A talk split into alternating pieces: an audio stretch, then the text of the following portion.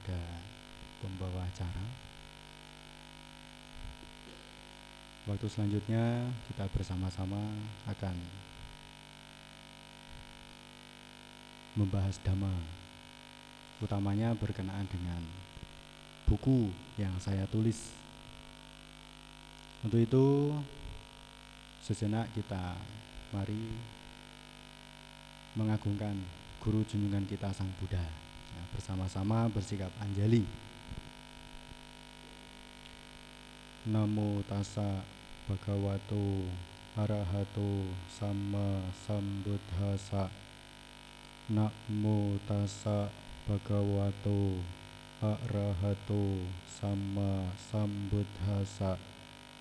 Namo tassa bhagavato arahato sama sambuddhasa Sabha papasa akaranang kusala supasampada sacita panang etang buddha nasasanang tumhehi kicang atapang aghataro tatha gata terpujilah sang bagawa yang maha suci yang telah mencapai penerangan sempurna tidak melakukan segala bentuk kejahatan, senantiasa mengembangkan kebajikan, berusaha untuk membersihkan pikiran sendiri. Ini adalah ajaran para Buddha. Para Buddha hanya menunjukkan sang jalan, namun engkau sendirilah yang harus berusaha. Selamat malam, terpujilah Sang Buddha, Namo Buddhaya.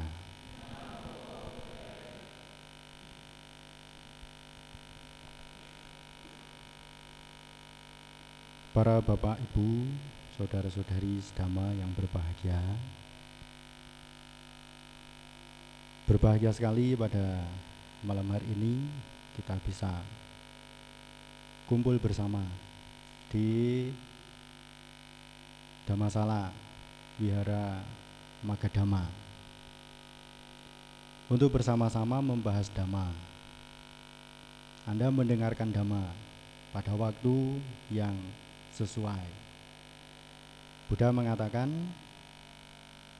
mendengarkan dhamma, membahas dhamma pada waktu yang sesuai itu adalah berkah utama. Berkah bagi Anda yang mendengarkan. Dan tentunya berkah bagi saya yang membabarkan dhamma. Untuk itu Anda sudah tentu siap toh ya untuk dapat berkah itu.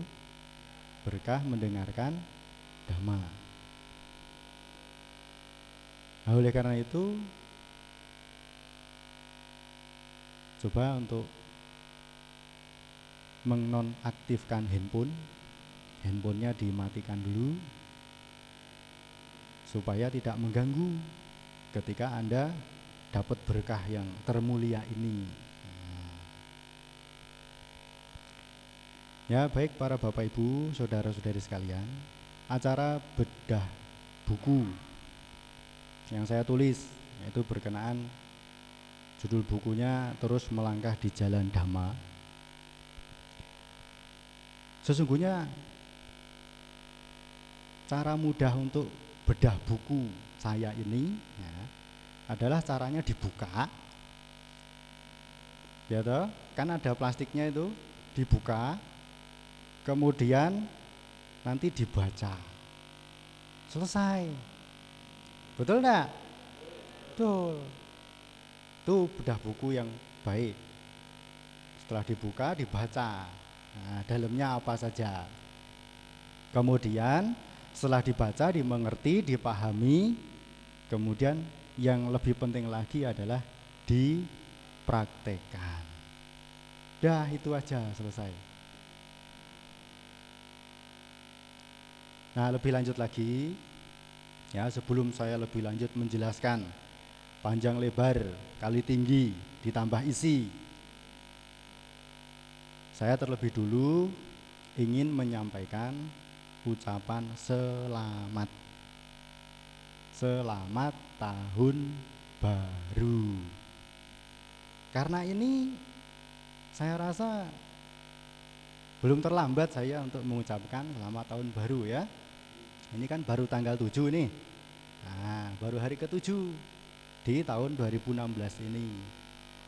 Ya jadi selamat tahun baru 2016 semoga apa yang menjadi harapan keinginan cita-cita mimpi yang belum terwujud yang belum tercapai di tahun 2015 ya semoga bisa tercapai terwujud di tahun 2016 ini ya semoga kita semua ya di tahun 2016 ini menjadi tahun yang penuh berkah penuh kebaikan bagi kita semua dan semoga Anda selalu sehat kuat bahagia panjang umur tercapai apa yang dicita-citakan dan semoga semua makhluk hidup berbahagia. Sadu, sadu, sadu. Nah, karena sudah ditutup dengan semoga semua makhluk hidup berbahagia, sadu, sadu, sadu. Berarti khotbahnya sudah selesai.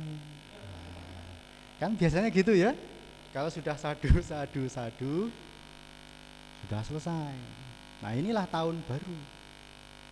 Tahun baru kita harus punya semangat baru. Semangat apa? Semangat baru. Utamanya adalah semangat meninggalkan kejahatan. Semangat meningkatkan, mempertahankan kebajikan. Hal-hal yang baik semangat ditingkatkan, diteruskan, terus menerus dilakukan dalam hidup sehari-hari. Semangat tinggalkan hal-hal yang jahat, yang buruk yang sudah dilakukan supaya dikurangi. Dan di tahun yang baru ini, tahun baru dapat buku baru ya. Nah, sudah dapat satu-satu ya. Tahun baru buku baru, tahun baru, semangat baru. Nah, di tahun yang baru ini kita semua pasti punya harapan, punya cita-cita, punya keinginan yang jauh lebih baik daripada tahun 2015. Betul begitu ya? Punya harapan, punya cita-cita, istilahnya ya yang lebih keren itu kita itu punya sebuah impian. Punya mimpi. Tentu kalau kita pengen mimpi, ya, cita-cita, harapan, harapannya, cita-citanya, mimpinya yang indah-indah. Punya impian yang baik, yang bagus-bagus. Akan tetapi ada dua pilihan yang Anda bisa lakukan, yang Anda bisa kerjakan. Di tahun yang baru ini kalau Anda sudah bangun pagi, bangun pagi,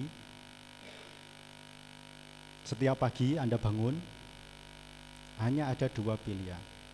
Anda mau meneruskan mimpi atau mewujudkan mimpi. Dua itu pilihannya. Kalau Anda ngikuti Mbah Surip, masih tahu enggak ya Mbak Surip ya? Bangun tidur, tidur lagi. Nah, kalau Anda tidur lagi, Anda berarti meneruskan mimpi. Tapi kalau Anda bangun, kemudian semangat, kerja keras, tekun, ulet, berusaha dengan sungguh-sungguh, anda pasti bisa mewujudkan mimpi. Oleh karena itu, Anda mau meneruskan mimpi atau mewujudkan mimpi. Mau mewujudkan mimpi atau meneruskan mimpi? Wah, saya mau meneruskan mimpi saya, Bante. Mau jadi penerus mimpi atau mewujudkan mimpi Anda? Nah, mewujudkan mimpi. Kalau ingin mewujudkan mimpi, kita harus bangun, kerja keras, jangan lengah, waspada, semangat, usaha. Supaya cita-citanya, harapannya, mimpinya terwujud. Oleh karena itu, di tahun yang baru ini, selain dapat buku baru, juga semangat baru, dan juga semangat, nah ini, terus melangkah di jalan Dharma. Nah, oleh karena itu, saya tidak akan panjang lebar membedah semua isi yang ada di buku ini. Di sini kurang lebih ada 19 artikel judul. Kalau saya ceritakan satu-satu satu-satu semua, ya bagus. Tapi alangkah jauh lebih baik nanti dibaca saja sendiri masing-masing di rumah. Saya akan menjelaskan saja berkenaan dengan melangkah di jalan dhamma. Nah, para Bapak Ibu, saudara-saudari sekalian, berkenaan dengan melangkah di jalan dhamma. Saya ingin menjelaskan berkenaan dengan jalan terlebih dulu. Nah, di dunia ini banyak kita jumpai bermacam-macam jenis jalan dan juga jalan-jalan. Ada jalan yang lurus. Ada juga jalan yang berkelok-kelok ya. Jalannya berliku-liku dan penuh luka-luka. Ada juga jalan yang menanjak. Ada juga jalan yang menurun.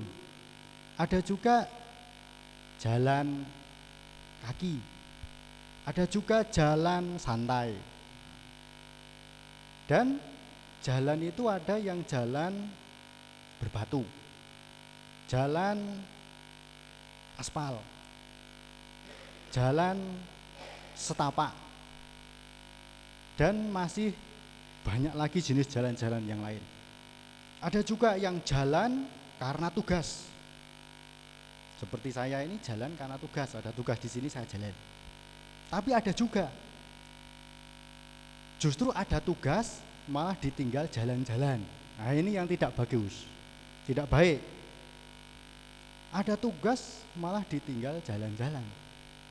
Nah, ada juga yang jalan karena tugas, yang kemudian juga jalan-jalan. Bonusnya jalan-jalan. Jadi macam-macam.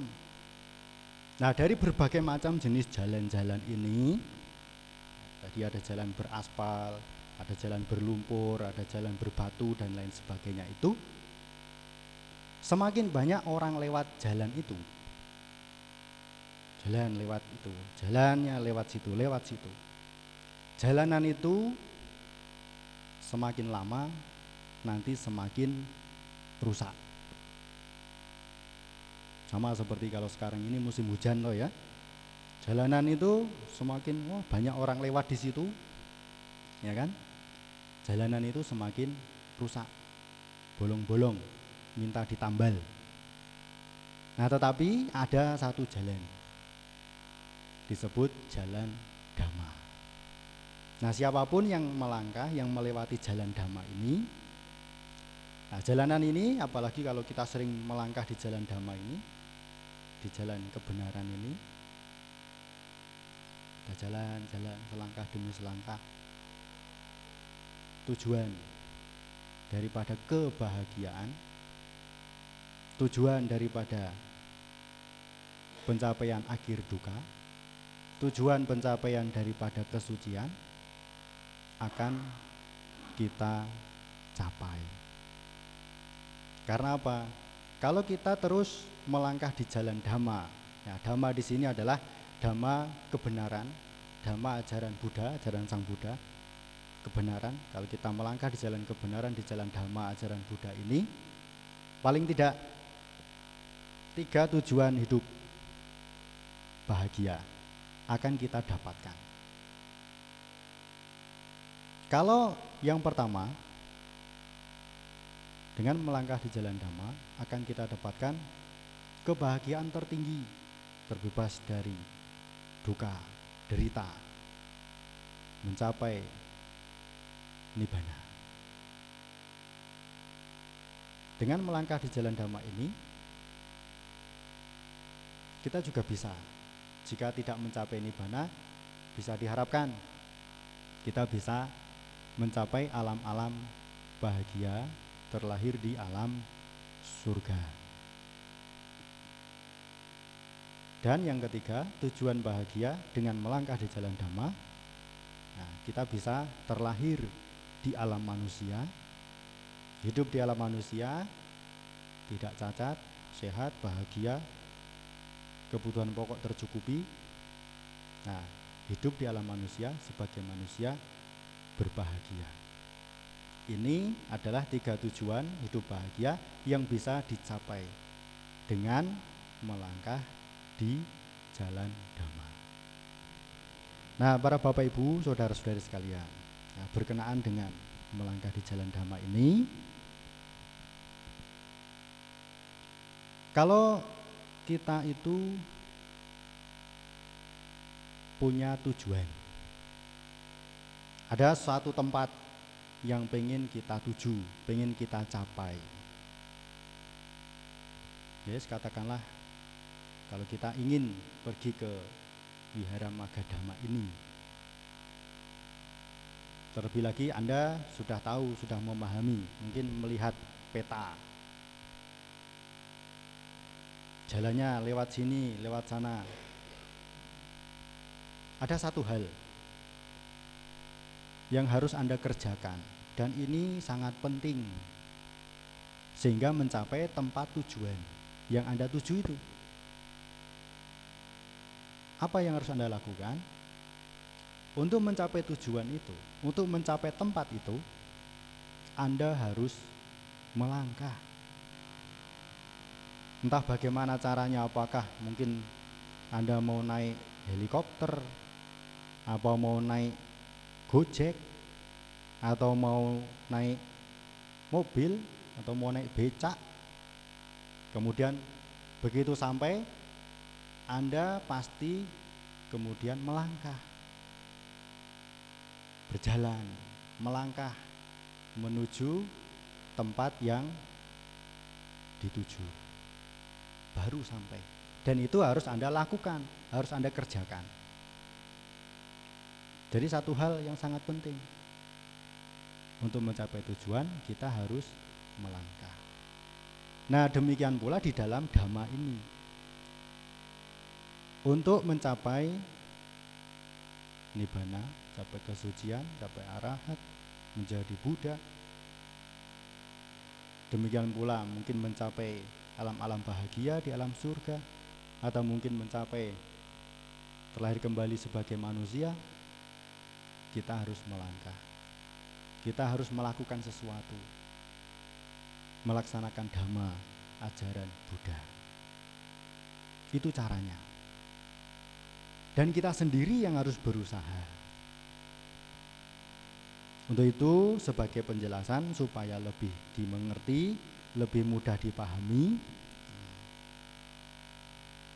Kalau kita lapar anda sudah lapar belum?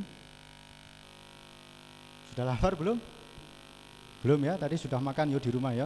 Nah, kalau Anda lapar, supaya kenyang, bagaimana caranya? Makan. Yang makan itu diri sendiri atau orang lain? Diri sendiri dong. Tidak bisa.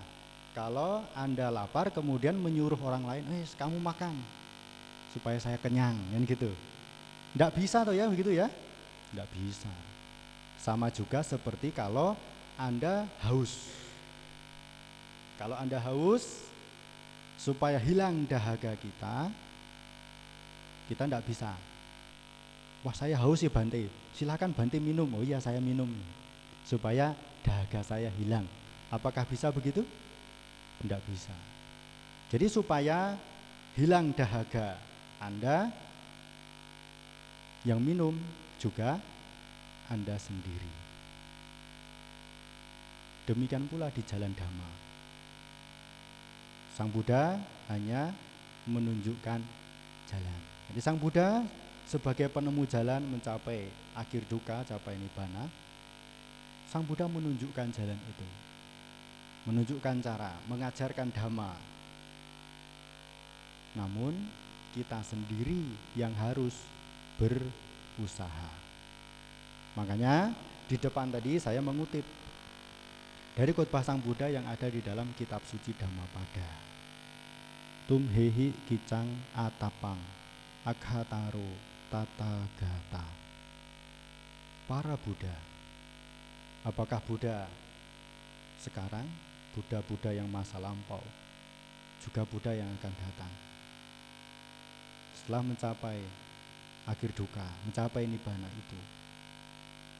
Beliau ya mengajarkan jalan itu, menunjukkan jalan itu. Namun kita sendiri yang harus berusaha. Siapa saja yang mengikuti ajaran dhamma, mengikuti jalan yang sudah ditunjukkan oleh Sang Buddha itu, maka akan mencapai seperti yang Sang Buddha capai. Capai kesucian, capai arahat, mencapai akhir duka, capai nibbana juga. Dan itu diri sendiri yang harus berusaha, diri sendiri yang harus melakukan.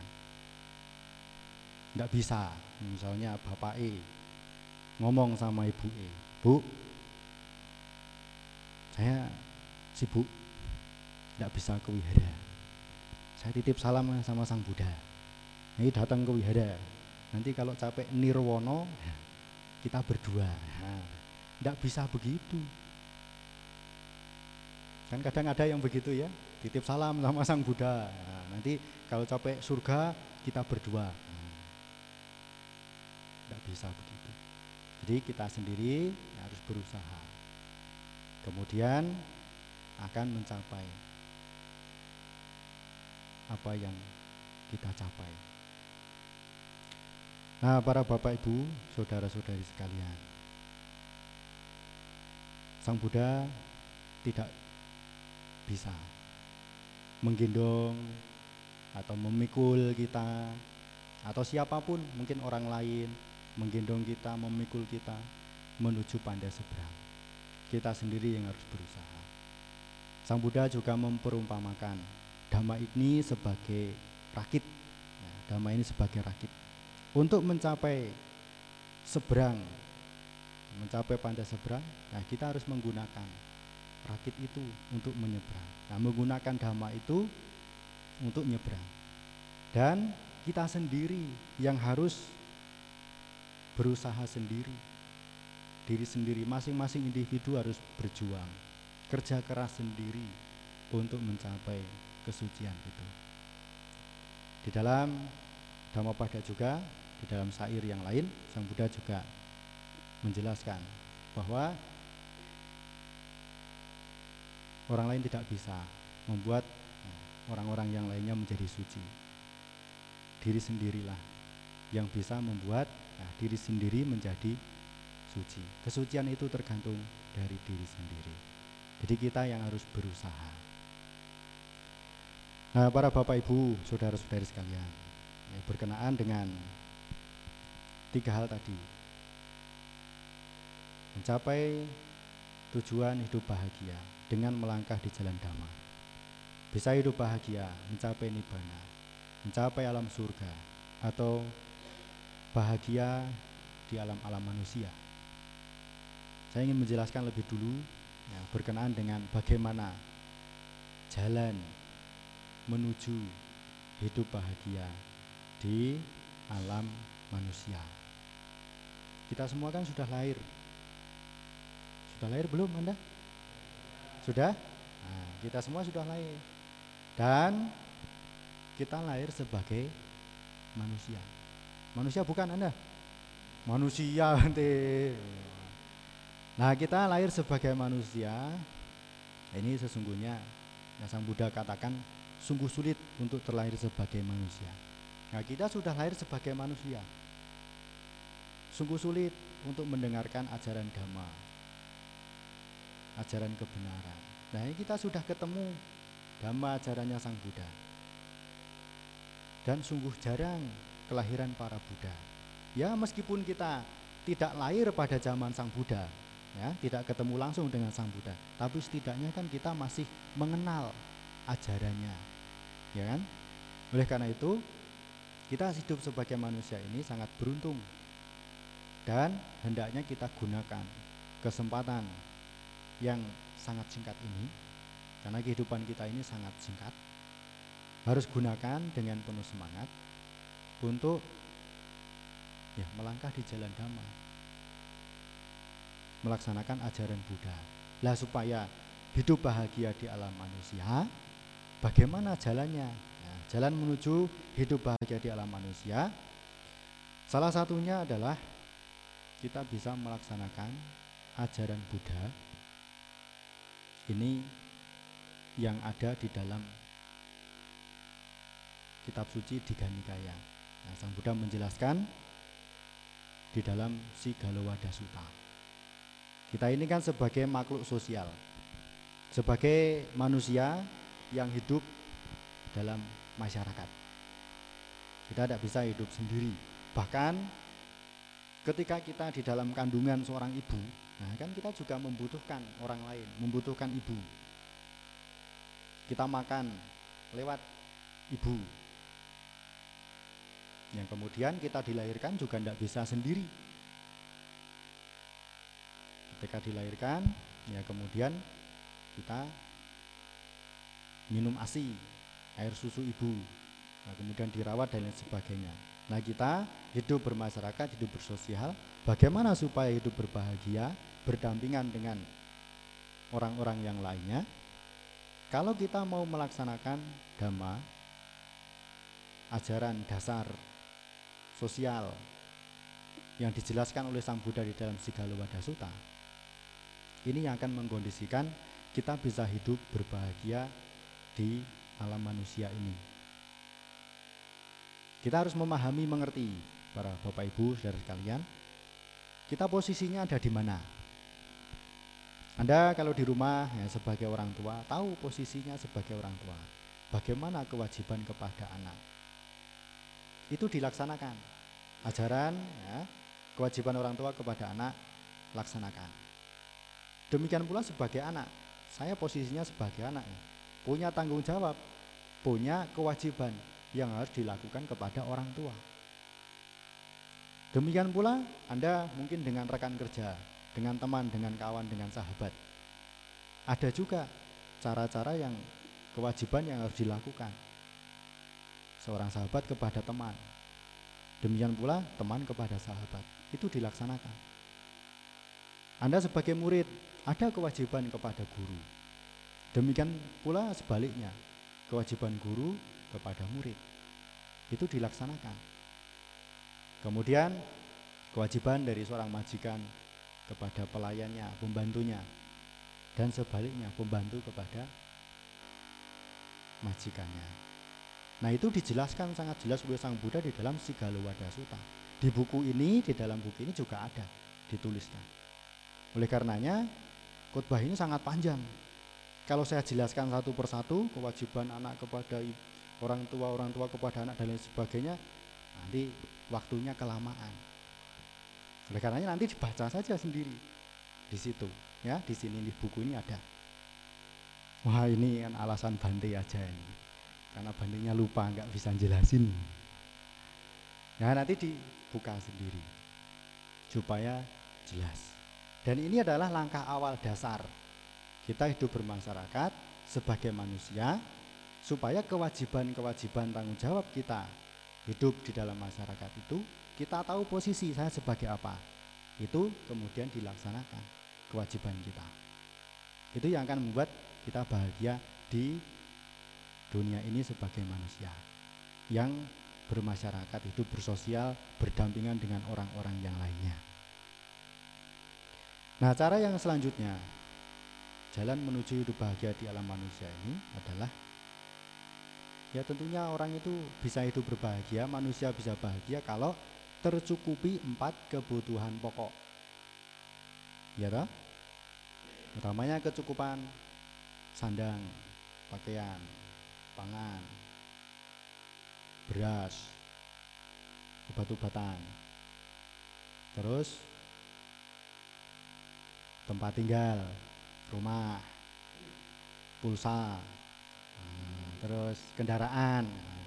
Itu kebutuhan pokok juga ya mungkin ya. Kalau kebutuhan pokok itu tercukupi, terpenuhi, kita menjadi bahagia. Nah, bagaimana caranya? Yang pertama, cara untuk menuju hidup bahagia di dunia ini sebagai manusia, sebagaimana hal ini dijelaskan oleh Sang Buddha di dalam Anguttara Nikaya. Kita harus berjuang, bekerja keras, penuh perjuangan, semangat, utamanya ya untuk mencari kebutuhan-kebutuhan hidup sehingga empat kebutuhan pokok tercukupi. Nah kita jadi bahagia karena anda sebagai umat berumah tangga. Tapi kalau sebagai biku sama nera nah, sungguhnya hidup manusia itu mulai dari bangun tidur tadi makanya jangan tidur lagi. Karena kalau sudah bangun, ya, begitu bangun langsung melek. Kalau sudah melek, kemudian Anda golek. Ya toh? Kalau sudah golek, nanti Anda bisa nyekek. Nah, kalau sudah nyekek, Anda pasti bisa nelek. Nah, kalau sudah bisa nelek, nah nanti tinggal nunggu waktunya mate itu manusia dalam hidup ya itu melek golek nyekek terus nelek nah, terus mate. Tapi kalau anda jadi biku paling tidak dari lima hal ini tadi satu hal sudah tidak usah dipikirkan begitu melek ya, bangun tidak usah golek karinya kek terus nelek ayo nunggu mate makanya kalau mau jadi biku anda enggak perlu golek. Karena biku memang tidak bekerja. Ini ya pilihan hidup. Ya mau jadi biku boleh mau berumah tangga boleh silahkan ini pilihan.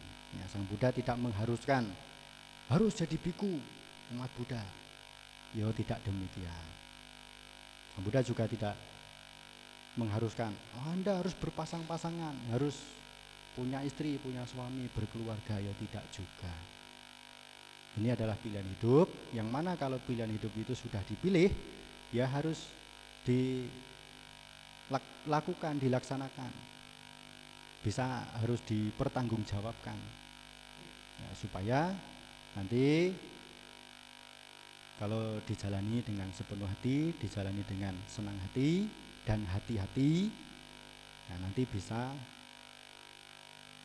hidup bahagia, tidak menyesal di kemudian hari.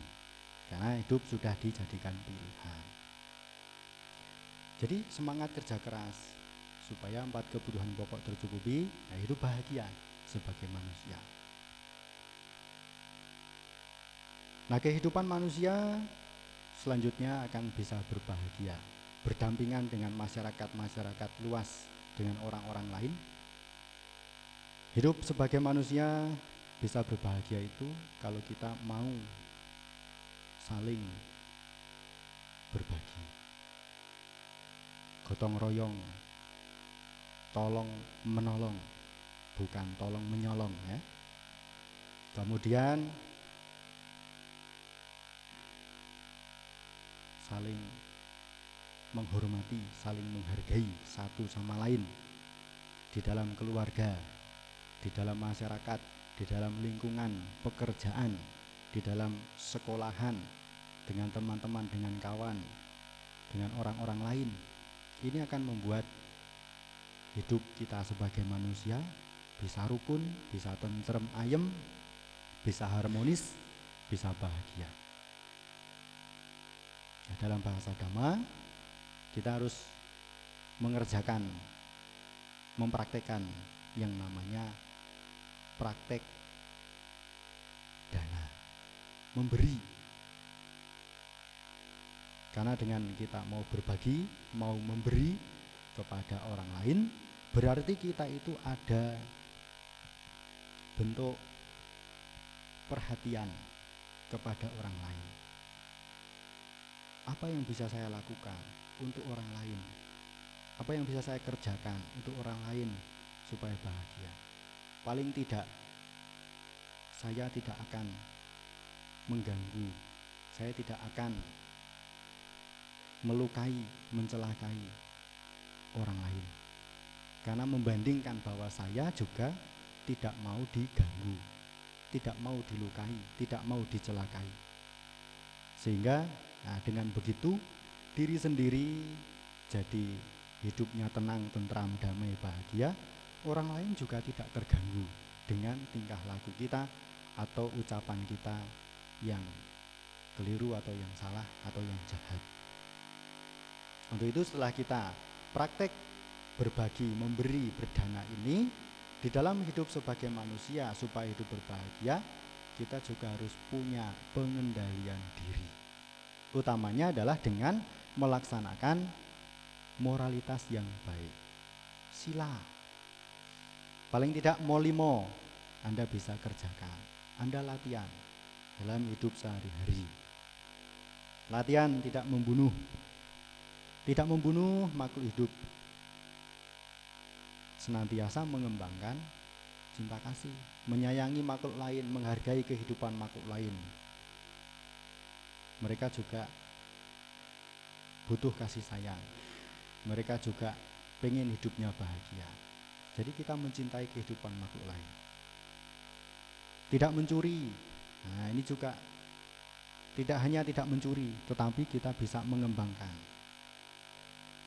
Bermata pencaharian yang benar Anda harus lakukan.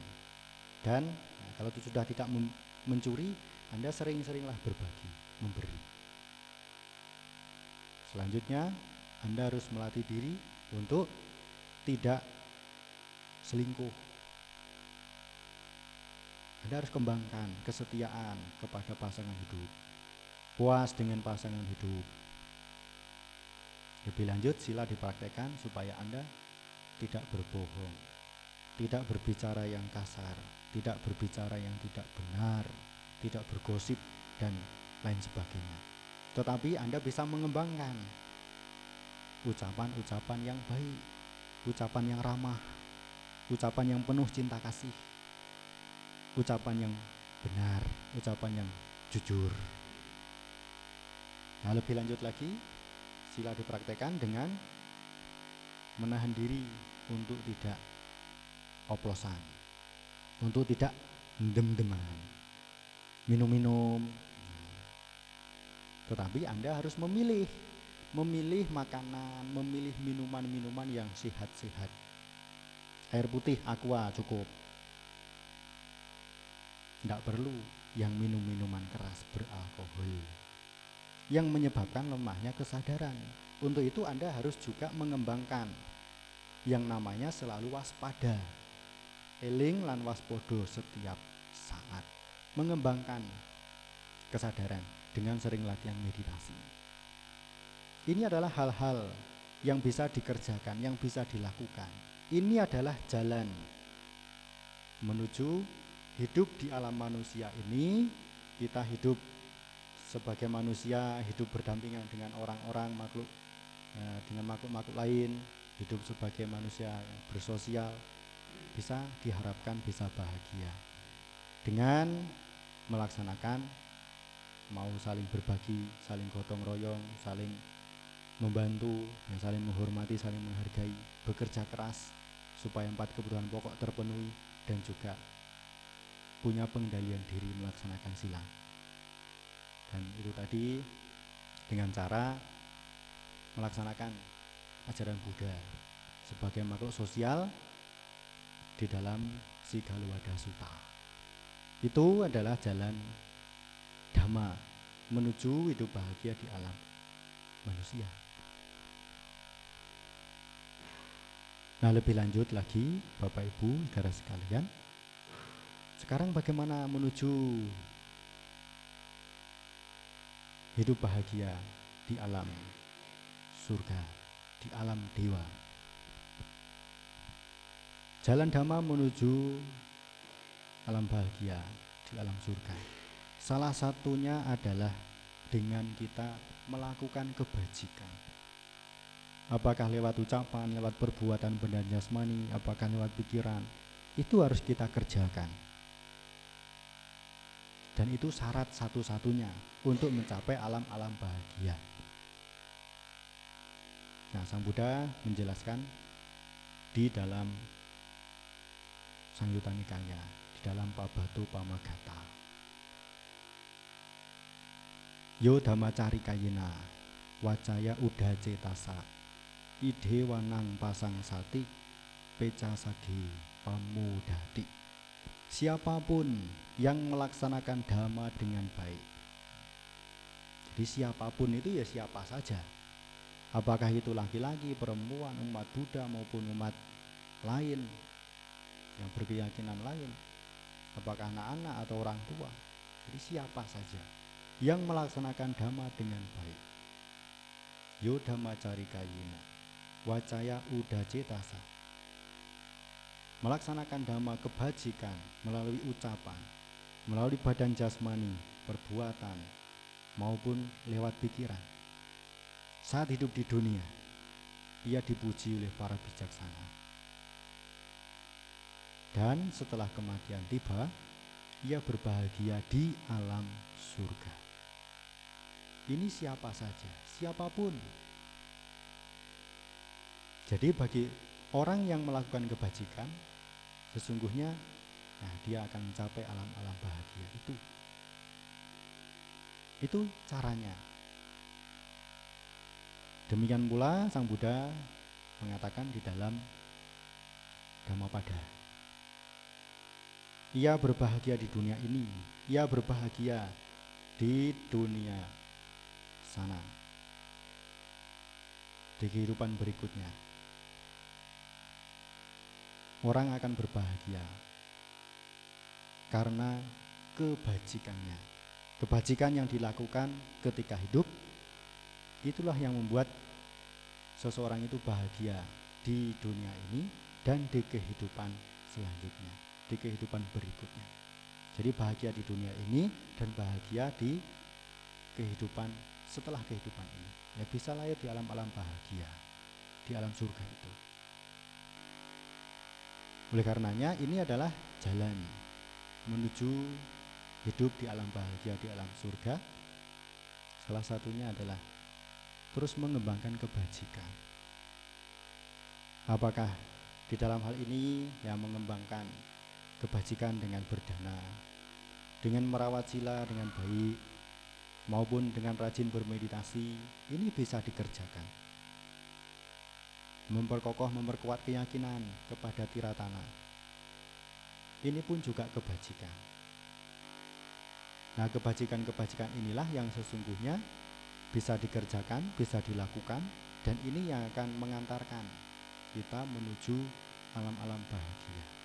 Dengan melangkah di jalan dhamma menuju hidup bahagia di alam-alam surga. Ini adalah jalan menuju alam-alam bahagia di alam surga dengan kebajikan. Buktinya apa Bante? Nah, buktinya ini kita bisa membaca kitab suci yang namanya kitab suci Wimana Watu. Itu adalah kitab suci agama Buddha. Di dalam kitab suci Wimana Watu itu diceritakan banyak sekali cerita-cerita tentang alam-alam bahagia, alam-alam dewa. Karena di situ memang Wimana Watu ini, watu itu adalah tempat. Wimana itu adalah tempat-tempat alam-alam kondisi-kondisi yang bahagia ada namanya kitab Wimana Wadu. Itu di situ menceritakan kisah berkenaan dengan Bante Mogalana Terang. Nah, Bante Mogalana itu adalah Bante yang paling sakti. Beliau sering berkunjung ke alam-alam dewa, sering berkunjung ke alam-alam surga. Nah, kalau Bante Mogalana berkunjung ke alam surga, ke alam dewa, ya di sana itu jadi surga itu tempatnya poro dewa dan dewi, poro bidadara dan bidadari. Hmm. Bidadara itu laki-laki, kalau bidadari itu perempuan. Dewa itu laki-laki, kalau dewi itu perempuan. Nah, Bante Mogalana sering jalan-jalan ke alam surga. Nah, kemudian Bante Mogalana sering tanya, Kenapa kamu kok bisa lahir di sini sebagai dewa ini, sebagai dewi ini? Nah, para dewa dewi yang ditanya oleh Bante Mogalana itu jawab, "Oh, karena saya melakukan kebajikan ini, karena saya waktu itu pernah sering berdana sama para biku, sama sang Buddha. Dana air minum. Saya dana ayam goreng. Dana Kentucky saya dana roti McDonald. Saya sering praktek sila saya sering atas sila saya sering uposata saya nggak pernah marah saya selalu sabar. Saya rajin menghormat sujud sungkem namaskara sama orang tua. Jadi saya lahir di alam surga ini jadi dewi ini jadi dewa itu nah itu adalah jawaban dari para dewa-dewi yang ada di alam surga? Jawabannya selalu karena kebajikan, kebajikan, kebajikan yang dilakukan. Apakah memberi air minum, apakah memberi tempat duduk, apakah melakukan penghormatan.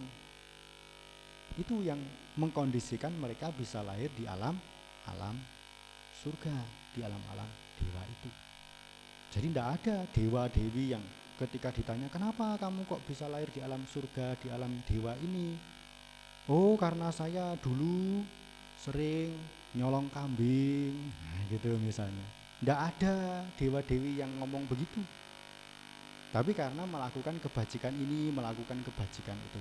Karena kebajikan itulah yang menjadi dasar menjadi sebab munculnya akibat-akibat yang baik salah satunya adalah berbahagia di alam surga nah ini adalah kebajikan bisa menuju alam-alam bahagia. Ini jalannya menuju alam bahagia dengan kebajikan. Nah, selanjutnya bagaimana? Yang ketiga, jalan menuju nibbana, menuju akhir duka. Nah, hal ini sangat jelas dijelaskan oleh Sang Buddha. Ketika Sang Buddha pertama kali membabarkan dhamma kepada lima orang petapa. Khotbah Sang Buddha yang pertama namanya apa? Apa namanya? Dhamma Caka Pawatana Sutta. Khotbah pemutaran roda dhamma yang dibabarkan kepada lima orang petapa. Sang Buddha membabarkan dhamma sesungguhnya adalah untuk tujuan yang satu ini, yaitu mengakhiri duka mengakhiri penderitaan. Maka dalam khotbahnya Sang Buddha yang pertama kali itu, Sang Buddha membabarkan tentang empat kebenaran mulia. Yaitu kebenaran tentang duka, ada duka. Sebab duka, ya, duka itu ada sebabnya. Duka itu bisa diakhiri. Nah, ada akhir duka, pencapaian akhir duka, nibbana. Ada dan ada caranya, ada jalan menuju lenyapnya duka. Nah, jalan menuju lenyapnya duka, mencapai akhir duka, capai nibbana ini apa? Yaitu jalan tengah, jalan mulia berunsur delapan, Arya Adangika Maga. Inilah jalan menuju akhir duka itu. Apakah jalan mulia berunsur delapan itu? Nah jalan mulia ini sering dijelaskan dalam tiga tahap.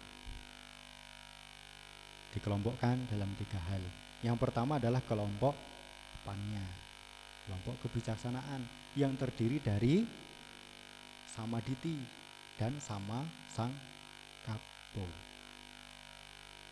punya pandangan benar dan punya pikiran benar. Punya pandangan benar yang bagaimana? Punya pandangan benar, dia memahami, mengerti empat kebenaran mulia tadi. Ada duka. Oh, duka ini ada sebabnya. Dia mengerti, dia punya pandangan benar. Oh, duka ini bisa diakhiri. Ada jalannya menuju akhir duka ini. Kemudian dia punya pemikiran yang benar, punya perniatan yang benar, punya pikiran apakah dia mau menjadi biku, mau hidup selibat, atau mungkin ya dengan cara bertakwa atau apa dia berusaha punya pikiran yang benar untuk terbebas dari duka itu. Yang kemudian nah dia terus berusaha mengembangkan untuk mencapai akhir duka itu nah dia berjuang selain punya mengembangkan tanya kebijaksanaan dia juga mengembangkan sila moralitas yang di dalam moralitas itu terdiri dari ada mata pencaharian benar ada ucapan benar dan ada perbuatan benar. Dia kembangkan itu. Tidak cukup di situ. Dia juga mengembangkan samadhi. Nah, samadhi ini terdiri dari daya upaya benar, kemudian apa? Konsentrasi benar dan perhatian benar. Nah, dia kembangkan itu upanya sila sama dikembangkan ini jalannya menuju akhir duka jalan mulia berunsur delapan nah bagi siapa yang melangkah di jalan dhamma ini mengembangkan jalan mulia berunsur delapan melaksanakannya dalam kehidupan sehari-hari terus berjuang terus berjuang untuk membersihkan kotoran batinnya sendiri kembangkan kebijaksanaan kembangkan sila dengan baik rajin bermeditasi, akhirnya bisa mencapai apa yang Sang Buddha capai, capai kesucian, mengakhiri duka itu. Dan ini ya jalan menuju akhir duka itu. Nah, Sang Buddha hanya menunjukkan jalan, kita sendiri yang harus berusaha. Kita harus berusaha sendiri. Ini sudah sangat jelas dijelaskan oleh Sang Buddha. Untuk itu, mari kita berjuang untuk menuju pencapaian akhir duka itu. Paling tidak, karena ada tiga hal dengan kita melangkah di jalan dhamma. Jika belum mencapai yang tertinggi, mencapai akhir duka, capai nibbana, kebahagiaan tertinggi, paling tidak ya kita bisa capailah alam-alam bahagia, capai alam surga. Seandainya ah belum capai alam surga ya paling tidak kita bisa lahir lagi jadi manusia. Hidup sebagai manusia yang bahagia. Tiga tujuan ini bisa dicapai dengan kita melangkah di jalan damai ini.